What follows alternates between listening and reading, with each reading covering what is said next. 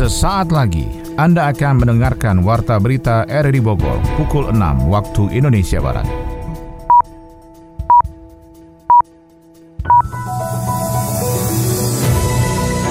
Selamat pagi, salam jumpa. Kami hadir kembali dalam Warta Berita edisi hari ini, Jumat 8 April 2022. Informasi ini juga turut disiarkan melalui audio streaming lewat RRI Play dan juga disiarkan lewat Radio Tegak Beriman Kabupaten Bogor, Jawa Barat dan Anda bisa akses di Spotify RRI Bogor. Berita utama hari ini adalah Ayah pelaku penyiksaan anak tiri di Bojonggede, Kabupaten Bogor terancam hukuman maksimal 15 tahun penjara. Kondisi anak dalam kondisi terikat tangan dan kaki, ya, kemudian semacam setrika ya di tangan kanan dan e, kaki kanan. Tim Buser Polsek Cilengsi, Kabupaten Bogor mengamankan 8 orang remaja terlibat aksi saling lempar petasan. Ya, bersama 8 orang beserta kendaraannya 7 unit, kemudian kita amankan ke Polsek untuk kita mintai keterangan gaji guru honorer Sukata Bogor yang tiga bulan belum terbayarkan terganjal juklak dan juknis dari Kemendikbud.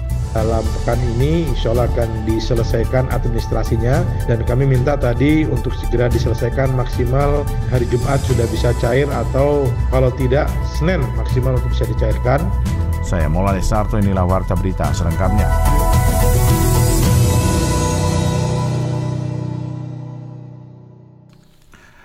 Ayah pelaku penyiksaan anak tiri di Bojonggede, Kabupaten Bogor terancam hukuman maksimal 15 tahun penjara dan atau denda 3 miliar rupiah. Kita ikuti laporannya bersama Adi Fajar Nugraha. Ya kayak orang tawanan gimana sih? Jadi tiap hari itu kadang dikunciin.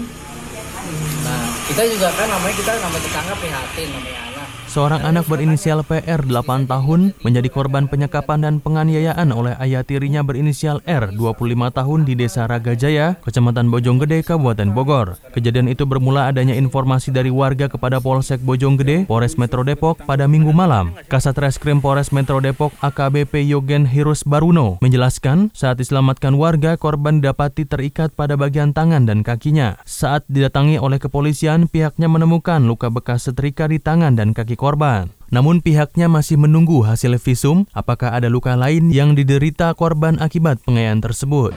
Yang disekap oleh bapaknya dan kemudian memang diketemukan kondisi anak dalam kondisi terikat tangan dan kaki ya kemudian semacam setrika ya di tangan kanan dan e, kaki kanan untuk si anak ini. Namun kita masih menunggu hasil visum juga apakah ada luka lain.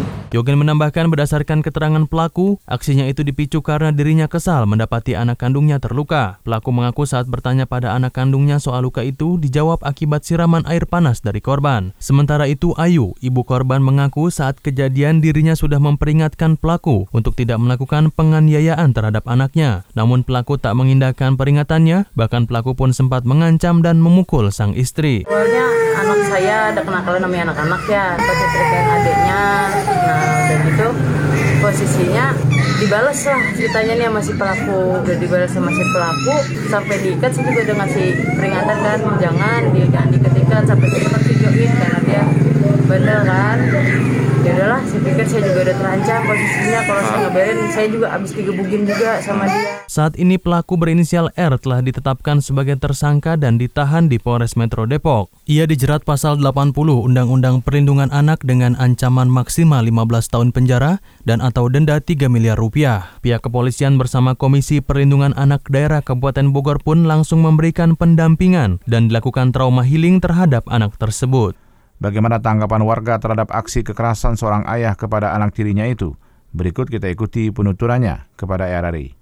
Ya, sebagai seorang ibu mendengar kasus ayah menyiksa anak tirinya karena kesal anak kandungnya itu disakiti korban. Uh, geram banget. Saya juga ingin marah. Balasannya hukuman yang setimpal sajalah sama ayahnya. Yang seharusnya seorang ayah itu kan melindungi walaupun bukan anak, bukan darah dagingnya. Siapa tahu nanti dewasa anak tirinya itu akan mengangkat derajat keluarga. Kalau menurut saya itu kan namanya anak itu kan udah biasa ya nakal ya. Anak itu kan dilahirkan seperti kertas putih. Jadi dia akan menjadi apa saja seperti lingkungannya. Kalau dia menjadi nakal itu kan udah biasa namanya anak kecil. Mungkin lingkungannya itulah yang kurang baik. Jadi si orang tua itu jangan ikut-ikutan emosi kalau si anak itu nakal. Jadi tetap yang salah itu orang tua, nggak ada anak yang salah. Yang salah itu pasti orang tua. Menurut saya, apa pun bentuk perilaku kekerasan anak itu yang nggak dibenarkan ya, apalagi dilakukan oleh orang tuanya sendiri, karena takut juga berdampak pada psikologi si anaknya, sama terus si anaknya punya trauma. Seharusnya sih orang tua bersikap mendidik anaknya dengan baik tanpa kekerasan. Hukum aja dah seberat-beratnya orang tua pelaku kekerasan terhadap anak. Lalu bagaimana penanganan pihak terkait terhadap para korban? Berikut wawancara RRI bersama Komisioner Komisi Perlindungan Anak Daerah KPAD Kabupaten Bogor, Heni Rustiana. Kekerasan terhadap anak berusia 8 tahun di Bojonggede, Kabupaten Bogor, Jawa Barat, membuka mata kita bahwa di sekeliling kita masih terjadi upaya kekerasan dan perbuatan yang seharusnya dilakukan oleh orang tua kepada anaknya, disetrika kemudian diikat di dalam rumah oleh tersangka R yang saat ini sudah diamankan di Polres Depok. Kita akan menanyakan langsung ke Komisioner Komisi Perlindungan Anak Daerah, soal penanganan kasus ini dan pendampingan terhadap kasus ini saya sudah bersama dengan Ibu Heni Rustiani. Kemarin kabarnya KPAD sempat melakukan kunjungan juga menyambangi kediaman adik korban ini atau anak berusia 8 tahun ini di Bojonggede Bogor. Kondisinya sejauh ini bagaimana Bu Heni? Kondisi saat kami mengunjungi ke sana memang sangat memprihatinkan ya. Di samping trauma yang sangat mendalam, raut wajahnya itu ketakutan, juga terdapat banyak luka, terutama di tangan kirinya itu luka melepuh itu sangat besar gitu. E, katanya bekas disetrika, kemudian di kepalanya juga ada luka, di badannya penuh Pak luka-luka di punggung. Hmm. Jadi sangat-sangat mengkhawatirkan sekali. Apalagi Artinya bahwa luka-luka yang berada di tubuh sang anak memang berasal dari kekerasan fisik yang dilakukan ayah tirinya, si R ini, Bu? Iya, betul, Pak. Jadi dari keterangan ibunya itu selesai disiksa karena ayah tirinya itu merasa kesal gitu. Disiram dengan air panas katanya, disetrika juga gitu. Jadi memang uh, ayahnya ini dikenal dengan apa ya temperamen sangat-sangat uh, emosional dan dan kasar gitu ya. Hmm. Jadi uh, tega menyiksa anaknya itu. Oh, itu itu keterangan yang didapat dari istri pelaku atau masyarakat sekitar juga menyatakan hal yang sama Bu Eni? masyarakat sekitar juga karena memang empat bulan yang lalu ya sudah sempat damai dan ternyata terjadi lagi gitu. Jadi sebenarnya masih dalam pantauan masyarakat gitu. Hmm, Tetapi gitu. Ketika 2019 itu dilabrak juga oleh masyarakat, kemudian si pelaku ini Pak RR ini bersedia untuk berubah, kemudian uh, ya mungkin uh, fokus masyarakat juga uh, agak berkurang ya. Setelah hmm. itu mungkin membaik, membaik. Setelah itu terjadi lagi, terjadi lagi sampai kemarin itu ketahuan diikat gitu kaki dan hmm. tangannya dan itu sangat-sangat kencang ya ikatannya itu. Kabarnya diikatnya tidak menggunakan tali tapi menggunakan kabel ya? Iya, kabel tis itu. Ya, sangat itu. kencang lagi. Sangat itu. kencang. Oke, yang terjadi begitu. Nah, kan tentu penanganan kasus atau penelusuran kasus ini butuh pendampingan dari KPAD sebenarnya Bu. Betul, nah betul, ini betul. dalam upaya melakukan pendampingan apa saja yang akan menjadi concern dan fokus dari KPAD selama memang kasus ini diusut dan saat ini memang tersangka sudah berada di rutan Polres Depok. Ya kami kan juga bekerja sama dengan semua perangkat perlindungan anak yang lainnya ya Pak ya. Hmm. Kita semua siap backup gitu. Ada yang di bagian penanganan gitu dan dan kami di pengawasan itu selalu mendampingi dan mengawasi jalannya penanganan tersebut gitu Pak. Jadi eh, ketika semua pihak siap me membackup dan kami terus memantau uh, jalannya penanganan ini jangan sampai terhenti di tengah jalan dan lain sebagainya karena uh, healing juga untuk anak ini sangat-sangat diperlukan trauma psikologisnya sangat kental gitu ya hmm. jadi perlu penanganan psikologis juga Pak. Oke okay, dalam dalam komunikasi dengan anak tersebut KPAD pernah mendapatkan apa soal proses dan metode healing yang akan dilakukan. Setrauma apa sebenarnya ketika harus berhadapan dengan dengan orang lain di luar orang tuanya itu sebenarnya, Bu Heni? Pada saat rekan kami ya Pak ya yang hmm. berkesempatan ke sana di kan Desa Raga Jaya itu ya, hmm. uh, Bojonggede itu ketika berkomunikasi dengan si anak e, memang sangat ketakutan tetapi tidak banyak berbicara gitu Pak. Hmm. Seolah trauma untuk mengungkapkan sesuatu gitu, hmm. apalagi kepada orang asing mungkin ya. Hmm. Cuman kami melihat memang uh, sangat dibutuhkan uh, penanganan psikologis yang terus menerus gitu sampai okay. traumanya hilang gitu. Nah itu Karena, itu perlu diapain tuh bu sebenarnya untuk menghilangkan trauma begitu maka healingnya harus tersendiri misalnya dalam tanda kutip dilakukan rehabilitasi atau justru memang akan berjalan saja atau KPA, KPAD akan melakukan upaya yang bagaimana untuk melakukan trauma healing itu sendiri? Iya, kami mungkin uh, akan uh, apa ya berkomunikasi lagi gitu dengan si anak gitu. Jadi uh, karena ada ada apa ya psikolog yang khusus gitu Pak ya yang mengajak uh, komunikasi kemudian menyembuhkan. Tetapi kami biasanya melakukan uh, tahap awal asesmen dulu gitu hmm. sejauh mana sejauh mana anak ini trauma untuk anak ini memang e, kalau bisa dipisahkan dari lingkungan yang tempat dia mengalami kekerasan tersebut. Bu, artinya direlokasi dulu dalam iya, beberapa ya, waktu ya. untuk bisa menghilangkan ya. traumanya gitu ya Bu? Ya, diambil dulu Pak. Walaupun si ayah tirinya itu sudah di sudah hmm. mendekam lah gitu ya. Hmm. Tetapi anaknya ini ya perlu ditangani dulu secara khusus gitu. Hmm. Kecuali ya. nanti hmm. sudah ada perbaikan, sudah ada komunikasi yang yang lancar lagi dari si anak. Yeah. Mungkin ibunya juga kan mengalami trauma juga ya. Mm-hmm. Kemarin beberapa pihak juga seperti P2T P2A yang memang concern di penanganan ya untuk perempuannya juga dan untuk anaknya juga itu uh, insya Allah gitu uh, akan sejalan dengan artinya artinya dua-duanya memang ibu dan anak mengalami trauma ya? Iya. Baik Bu Edi terima kasih banyak Bu Edi demikian kita sudah bersama Komisioner Komisi Perlindungan Anak Daerah atau KPAD Kabupaten Bogor Bu Heni Rustiani. Aduh jangan lari. Banyak mobil itu. Bandel banget ya kalau dibilangin. Ibu jewer nih. Ra, Ra, kamu dengar gak sih ibu tadi marahin anaknya? Sampai segitunya banget ya. Kalau nanti kita jadi ibu, gimana ya, Ra? Ya gimana ya? Aku juga belum jadi ibu sih, tapi pasti besar banget tanggung jawabnya. Gak kebayang dia harus bangun pagi, ngurus suami, ngurus rumah. Apalagi kalau punya anak, biasanya badan kita berubah jadi melar tuh, Ra. Iya bener banget. Kalau anaknya nurut, kalau kagak, bikin emosi. Mental kecentang, me time berkurang, pasti butuh healing banget tuh nanti. Harus dipreparein sih kayaknya dari sekarang fisiknya, mentalnya, dan gak kalah penting finansialnya juga. Ya walaupun belum kelihatan sih hilal jodohnya. Eh by the way ya Ra, segini tuh kita masih berandai-andai jadi ibu. Gimana ibu kita ya? Pasti lebih-lebih sih tanggung jawabnya. Makanya nurut jadi anak. Iya, yeah, emangnya kamu nurut? Udah nyebrang-nyebrang.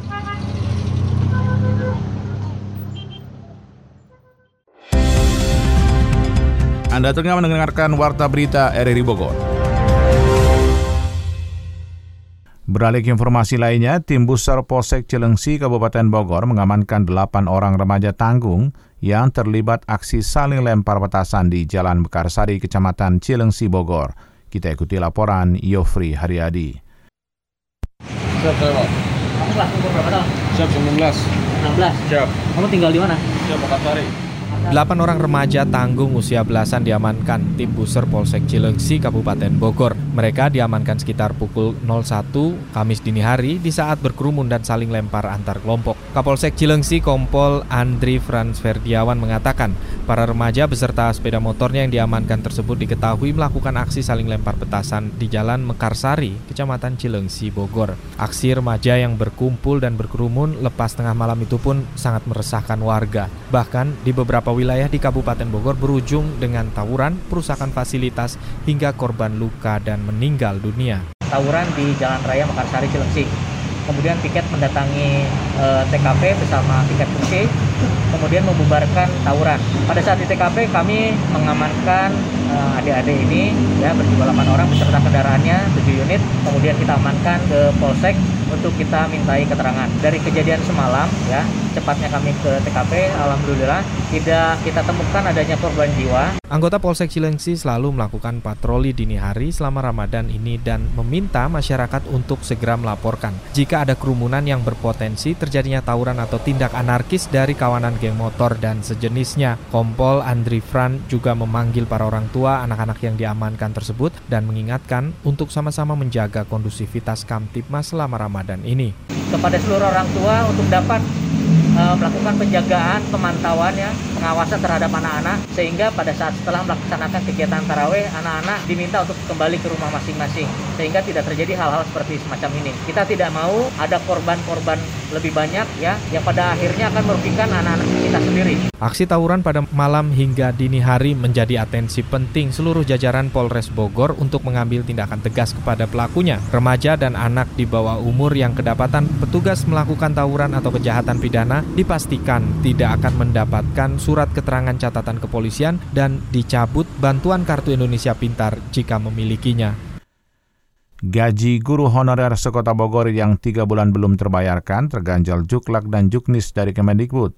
Laporan Sony Agung Saputra. Belum terbayarnya gaji atau honor untuk guru honorer tingkat SD dan SMP sekota Bogor yang bersumber dari dana bos APBN menjadi perhatian khusus DPRD Kota Bogor. Ketua DPRD dan pimpinan Komisi 4 DPRD Kota Bogor pun memanggil Dinas Pendidikan Distrik Kota Bogor dan Badan Keuangan dan Aset Daerah BKAD Kota Bogor. Ketua DPRD Kota Bogor Atang Trisnanto mendesak Distrik dan BKAD untuk mempercepat proses administrasi yang dibutuhkan. Selama ini para guru honorer sudah bekerja maksimal tapi tapi tiga bulan belum gajian, terlebih kebutuhan hidup semakin besar. Atang berharap Jumat besok atau maksimal Senin depan sudah pencairan. Progres dari pencairan gaji para guru honorer. Karena menurut kami beberapa hal yang sudah kami ingatkan serta kami tanyakan di bulan Maret yang lalu sampai dengan awal bulan ini belum terrealisasi. Sementara para guru honorer kita ini sudah bekerja maksimal dan mereka banyak berkontribusi terhadap dunia pendidikan kita. Sangatlah disayangkan kalau kemudian hak mereka belum tertunaikan apalagi sudah sampai tiga bulan. Dari hasil pembahasan tadi Alhamdulillah Alhamdulillah insya Allah bahwa dalam pekan ini insya Allah akan diselesaikan administrasinya dan kami minta tadi untuk segera diselesaikan maksimal hari Jumat sudah bisa cair atau kalau tidak Senin maksimal untuk bisa dicairkan.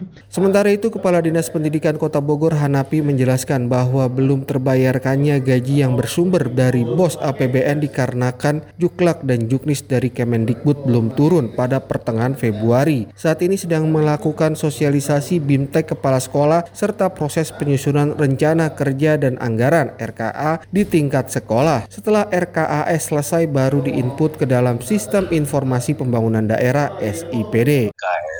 Sekolah mengadakan bintek sosialisasi untuk buat rencana kerja bentuk RKS. Kemudian tentu terkait dengan proses pengelolaan keuangan kan harus masuk dalam pergeseran mekanisme pergeseran perwali APBD. Nah sekarang ranahnya sudah di TAPD melalui BKAD. Fasilitasi dari dinas sendiri seperti apa Pak agar guru-guru tidak Itu ada cepat? Sudah mengadakan bintek dan ada itu. Nah di RKS itu kan ada belanja termasuk belanja pegawai. Nah hmm. sekarang RKS itu masuk pada pergeseran perwali tentang APBD. Itu kan ranahnya sudah ranah di TAPD, sudah ranah di BKAD, bukan ranah di kami lagi. Nah kalau pergeserannya sudah ditetapkan, misalkan hari ini ditetapkan kata kepala BPKAD, maka besoknya bisa dicairkan. Kalau misalnya ditetapkan hari Jumat, berarti hari Senin. Itu jawaban jawaban dari BKAD BKD. Pihaknya akan mengupayakan gaji guru honorer bisa cepat terbayar tanpa terganjal adanya juknis dari pemerintah pusat selain mengikuti aturan proses yang berlaku. Pembayaran bantuan langsung tunai BLT minyak goreng di Kabupaten Bogor masih membingungkan. Yofri Haryadi melaporkan. Pemerintah pusat segera menggulirkan program bantuan langsung tunai BLT minyak goreng sebesar Rp100.000 kepada warga tidak mampu di seluruh Indonesia yang jumlahnya sekitar 20 juta orang. Di Kabupaten Bogor, rencana pembayaran BLT minyak goreng kepada warga miskin yang akan digelontorkan itu pun masih belum diketahui, baik petunjuk teknis dan tertulis dari eselon pemerintahan di atasnya. Sekretaris Dinas Sosial Kabupaten Bogor, Dedi Supriyadi mengaku mengetahui bantuan langsung tunai minyak goreng sebesar Rp100.000 per penerima melalui media. Pihaknya juga belum tahu apakah penerima BLT minyak goreng akan sama dengan penerima program BPNT, bantuan UMKM atau program Keluarga Harapan. Ini kalau di kabupaten baru hari ini itu ada pendampingan dari Kemensos dan kita lagi ngumpulkan para TKSK. Baru hari ini sumber untuk memberikan penjelasan pada pendampingan nanti kaitan masalah pendataan. Di sisi lain, Sekretaris Tenaga Kerja Sosial Kemasyarakatan Kabupaten Bogor, Tatang, memastikan semua data penerima bantuan dari Kementerian Sosial ada di tangannya dan bila perlu dimutakhirkan harus sesuai dengan instruksinya. Namun dalam BLT minyak goreng ada klausul pedagang kaki lima atau UMKM yang menjadi komponen berbeda dari tupoksi pengawasan dan pendampingan oleh TKSK Kabupaten Bogor. Juga kita belum tahu. Mungkin baru besok ya kita ada jumping mana aja kan. Ah ya belum ada info ini. Pokoknya kita belum ada info. Jadi belum bisa apa ya yang jelasnya gitu kan apakah masih ke melalui Posgira atau Himbara kita juga belum ada yang kejelasan gitu. Setiap bantuan dari pemerintah pusat ditransfer ke rekening penerimanya sehingga meminimalisir terjadinya penyelewengan dan penyalahgunaan bantuan tersebut. Jika bantuan langsung tunai untuk membeli minyak goreng dipergunakan untuk keperluan yang lain akan dinilai tidak tepat sasaran. Sementara itu bantuan langsung tunai BLT minyak goreng harus tepat sasaran bagi masyarakat yang membutuhkan. Laporan Sauni Agung Saputra. Pemerintah pusat akan menyalurkan bantuan langsung tunai BLT kepada mereka yang terdampak gejolak minyak goreng dalam beberapa bulan terakhir. BLT minyak goreng bernilai 100 ribu akan diberikan setiap bulan selama tiga kali sehingga total bantuan mencapai 300 ribu rupiah. Pemerintah akan memberikan bantuan tersebut untuk tiga bulan sekaligus yaitu April, Mei, dan Juni yang akan dibayarkan di muka pada bulan April 2022. BLT minyak goreng akan disalurkan ke 20,5 juta keluarga termasuk dalam dalam daftar bantuan pangan non tunai BPNT. Ketua Umum Gerakan Masyarakat Kota Bogor Rido mengatakan niat baik pemerintah itu harus tepat sasaran bagi mereka yang terdampak kenaikan minyak goreng. Terlebih saat ini memasuki bulan Ramadan yang mempunyai kebutuhan lebih besar dari hari biasanya. Penerima bantuan baik dari program Keluarga Harapan PKH atau pedagang gorengan PKL harus mendapatkan BLT minyak goreng. Yang mengenai BLT minyak yang 100 ribu per bulan untuk warga tidak mampu. Ini memang satu hal yang baik lah untuk uh, masyarakat agar ada mereka punya biaya untuk membeli minyak goreng di mana sekarang saat ini adalah minyak goreng memang harganya cukup tinggi.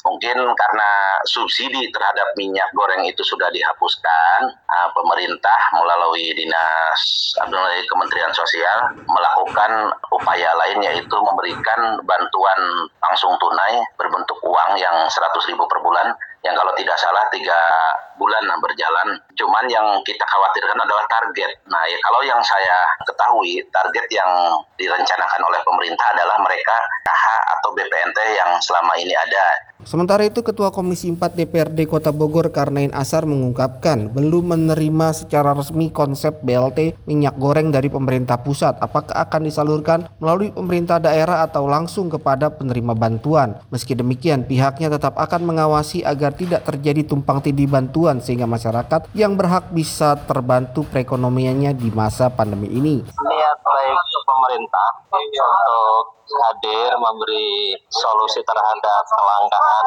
minyak goreng bagi masyarakat. Ini tentunya niatnya buat positif kita sambut dengan baik, tapi memang secara teknis pertama data penerima harus jelas karena pengalaman tahun 2021 anggaran yang dialokasikan untuk BLT APBD kota akhirnya tidak terserap karena data yang diajukan sebagai calon penerima BLT dari APBD kota ternyata sudah menjadi penerima manfaat dari program yang bersumber dari APBN dari pusat. Ini kan akhirnya tidak efektif ya, dan tidak menyentuh kepada kebutuhan yang lebih luas masyarakat banyak yang butuhkan tapi akhirnya tidak terserap anggaran tersebut. Nantinya Komisi 4 DPRD Kota Bogor juga akan melakukan rapat koordinasi dengan Dinas Sosial agar bisa melakukan evaluasi terkait bantuan yang sudah berlangsung kepada masyarakat selama ini sehingga bisa memperoleh manfaat optimal. Dari info ekonomi, pemerintah menyiapkan 8,8 triliun rupiah subsidi gaji 8,8 juta pekerja. YLKI menyebut rencana pemerintah menaikkan harga Pertalite dan LPG 3 kg merupakan kesalahan besar. Kita akan ikuti laporan ekonomi bersama Adi Fajar Nugraha. Pemerintah melalui Kementerian Ketenagakerjaan kembali mengucurkan bantuan pemerintah berupa subsidi gaji atau upah bagi pekerja atau buruh pada 2022. Besaran BSU kali ini yaitu 8,8 triliun rupiah untuk 8,8 juta pekerja. Menteri Ketenagakerjaan Ida Fauziah menyatakan, kendati angka kematian akibat COVID-19 telah mengalami penurunan, dampak pandemi pada sektor ekonomi masih terasa. Konflik antara Rusia dan Ukraina serta dinamika politik global turut menekan laju pemulihan ekonomi global yang turut berimbas pada inflasi global. Hal tersebut berpengaruh pada kenaikan harga-harga komoditas tertentu yang memberikan tekanan bagi pemulihan ekonomi nasional. Oleh karena itu, Ida berharap dengan adanya BSU ini bisa memberikan perlindungan bagi pekerja atau buruh serta mengakselerasi pemulihan ekonomi. Sebelumnya, Kementerian Ketenagakerjaan telah mengelola BSU pada 2020 dan 2021 dengan beberapa ketentuan kriteria penerima dan jumlah bantuan yang diberikan. Untuk tahun 2022 ini, Ida menjelaskan kriteria penerima BSU sementara didesain untuk pekerja atau buruh yang memiliki upah di bawah 3,5 juta rupiah. Basis data penerima BSU juga masih menggunakan data pekerja atau buruh peserta BPJS Ketenagakerjaan. Saat ini Kemenaker tengah mempersiapkan seluruh instrumen kebijakan pelaksanaan BSU di tahun ini. Hal ini dilakukan guna memastikan agar program ini dapat dijalankan dengan cepat, tepat, akurat, dan akuntabel. Yayasan Lembaga Konsumen Indonesia atau YLKI menilai rencana pemerintah menaikkan harga bahan bakar minyak atau BBM jenis Pertalite dan LPG 3 kg adalah wacana blunder alias kesalahan besar. Pasalnya rencana ini menunjukkan pemerintah tak punya empati kepada masyarakat. Selain itu pemerintah juga menaikkan tarif pajak pertambahan nilai atau PPN dari 10% menjadi 11%. Ketua Harian YLKI Tulus Abadi menilai kenaikan harga Pertamax dan tarif PPN sudah cukup memberatkan masyarakat. Tulus khawatir jika pemerintah tetap menaikkan harga Pertalite dan LPG 3 kg, maka daya beli masyarakat akan semakin menurun. Sependapat dengan itu, Wakil Ketua Komisi 7 DPR RI, Edi Suparno juga menilai rencana kenaikan harga Pertalite dan LPG 3 kg tidak tepat dilakukan pada saat ini. Ia menilai saat ini kondisi perekonomian masyarakat masih belum pulih, terutama masyarakat kelas bawah yang masih tertekan dari aspek pendapatan. Justru menurut Edi, masyarakat butuh gelontoran subsidi dan bantuan dari pemerintah sebab kenaikan harga bukan terjadi pada komoditas energi saja, tetapi juga bahan pangan salah satunya minyak goreng. Namun di sisi lain, Edi turut memahami beban anggaran anggaran pemerintah yang akan meningkat di tengah kenaikan harga minyak mentah. Untuk itu, Edi memberi solusi bila kenaikan harga Pertalite dan LPG 3 kg tidak terelakkan, maka pemerintah harus memberikan bantuan langsung tunai atau BLT. Sebelumnya, Presiden Jokowi menyatakan harga BBM tidak mungkin tidak naik di tengah lonjakan harga komoditas energi imbas perang Rusia dan Ukraina. Apalagi kenaikan inflasi sudah terjadi di berbagai negara, namun ia mengatakan pemerintah akan terus memantau harga minyak, gas, hingga bahan pangan yang terus meningkat.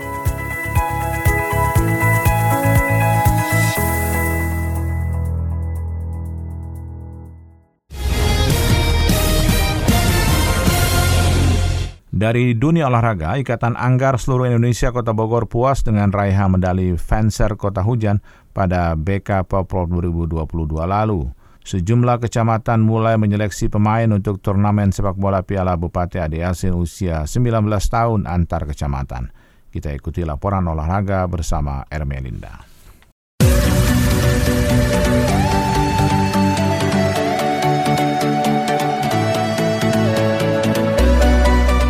Menjelang kick-off turnamen sepak bola Piala Bupati Ade Yasin usia 19 antar kecamatan se-Kabupaten Bogor pada 3 Juni 2022 mendatang, beberapa kecamatan mulai menyeleksi pemain. Salah satunya Kecamatan Ciampea yang sudah menyeleksi pemain yang bakal dijadikan tim.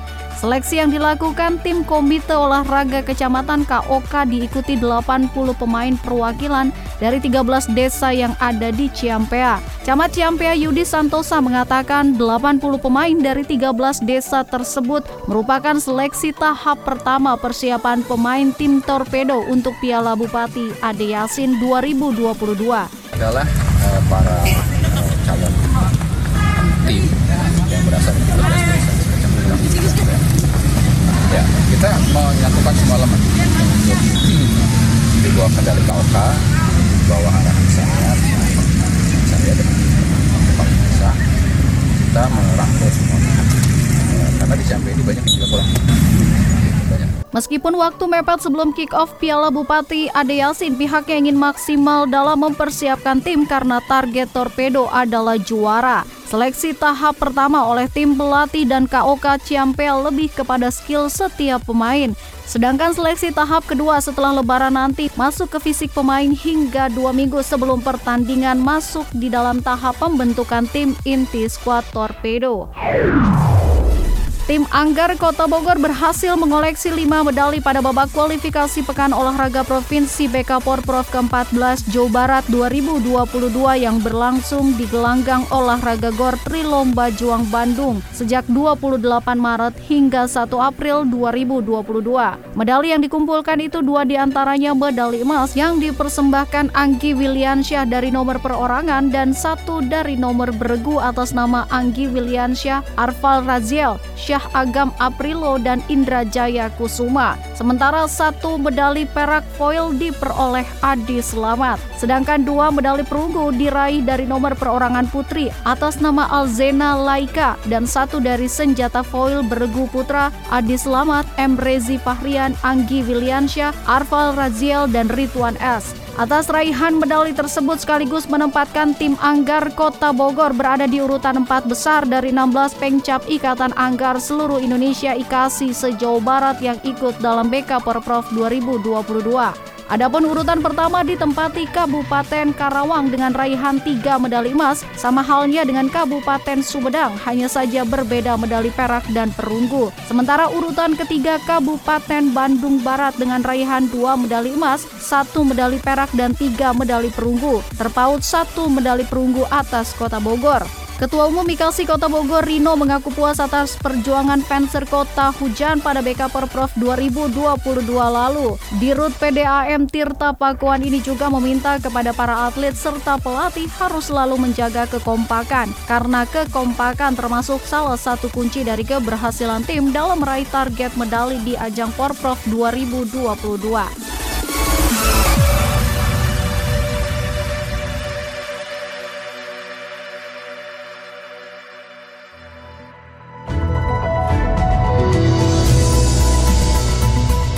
Demikian rangkaian informasi yang kami hadirkan di Warta Berita RRI Bogor pagi ini. Sebelum berpisah, kami kembali sampaikan berita utama. Ayah pelaku penyiksaan anak tiri di Bojonggede, Kabupaten Bogor terancam hukuman maksimal 15 tahun penjara. Tim Buser Polsek Cilengsi, Kabupaten Bogor mengamankan 8 orang remaja terlibat aksi saling lempar petasan. Gaji guru honorer Sukata Bogor yang tiga bulan belum terbayarkan terganjal juklak dan juknis dari Kemendikbud. Saya Molanes Narto. Bersama tim bertugas pada hari ini mengucapkan terima kasih atas perhatian Anda. Selamat pagi dan sampai jumpa.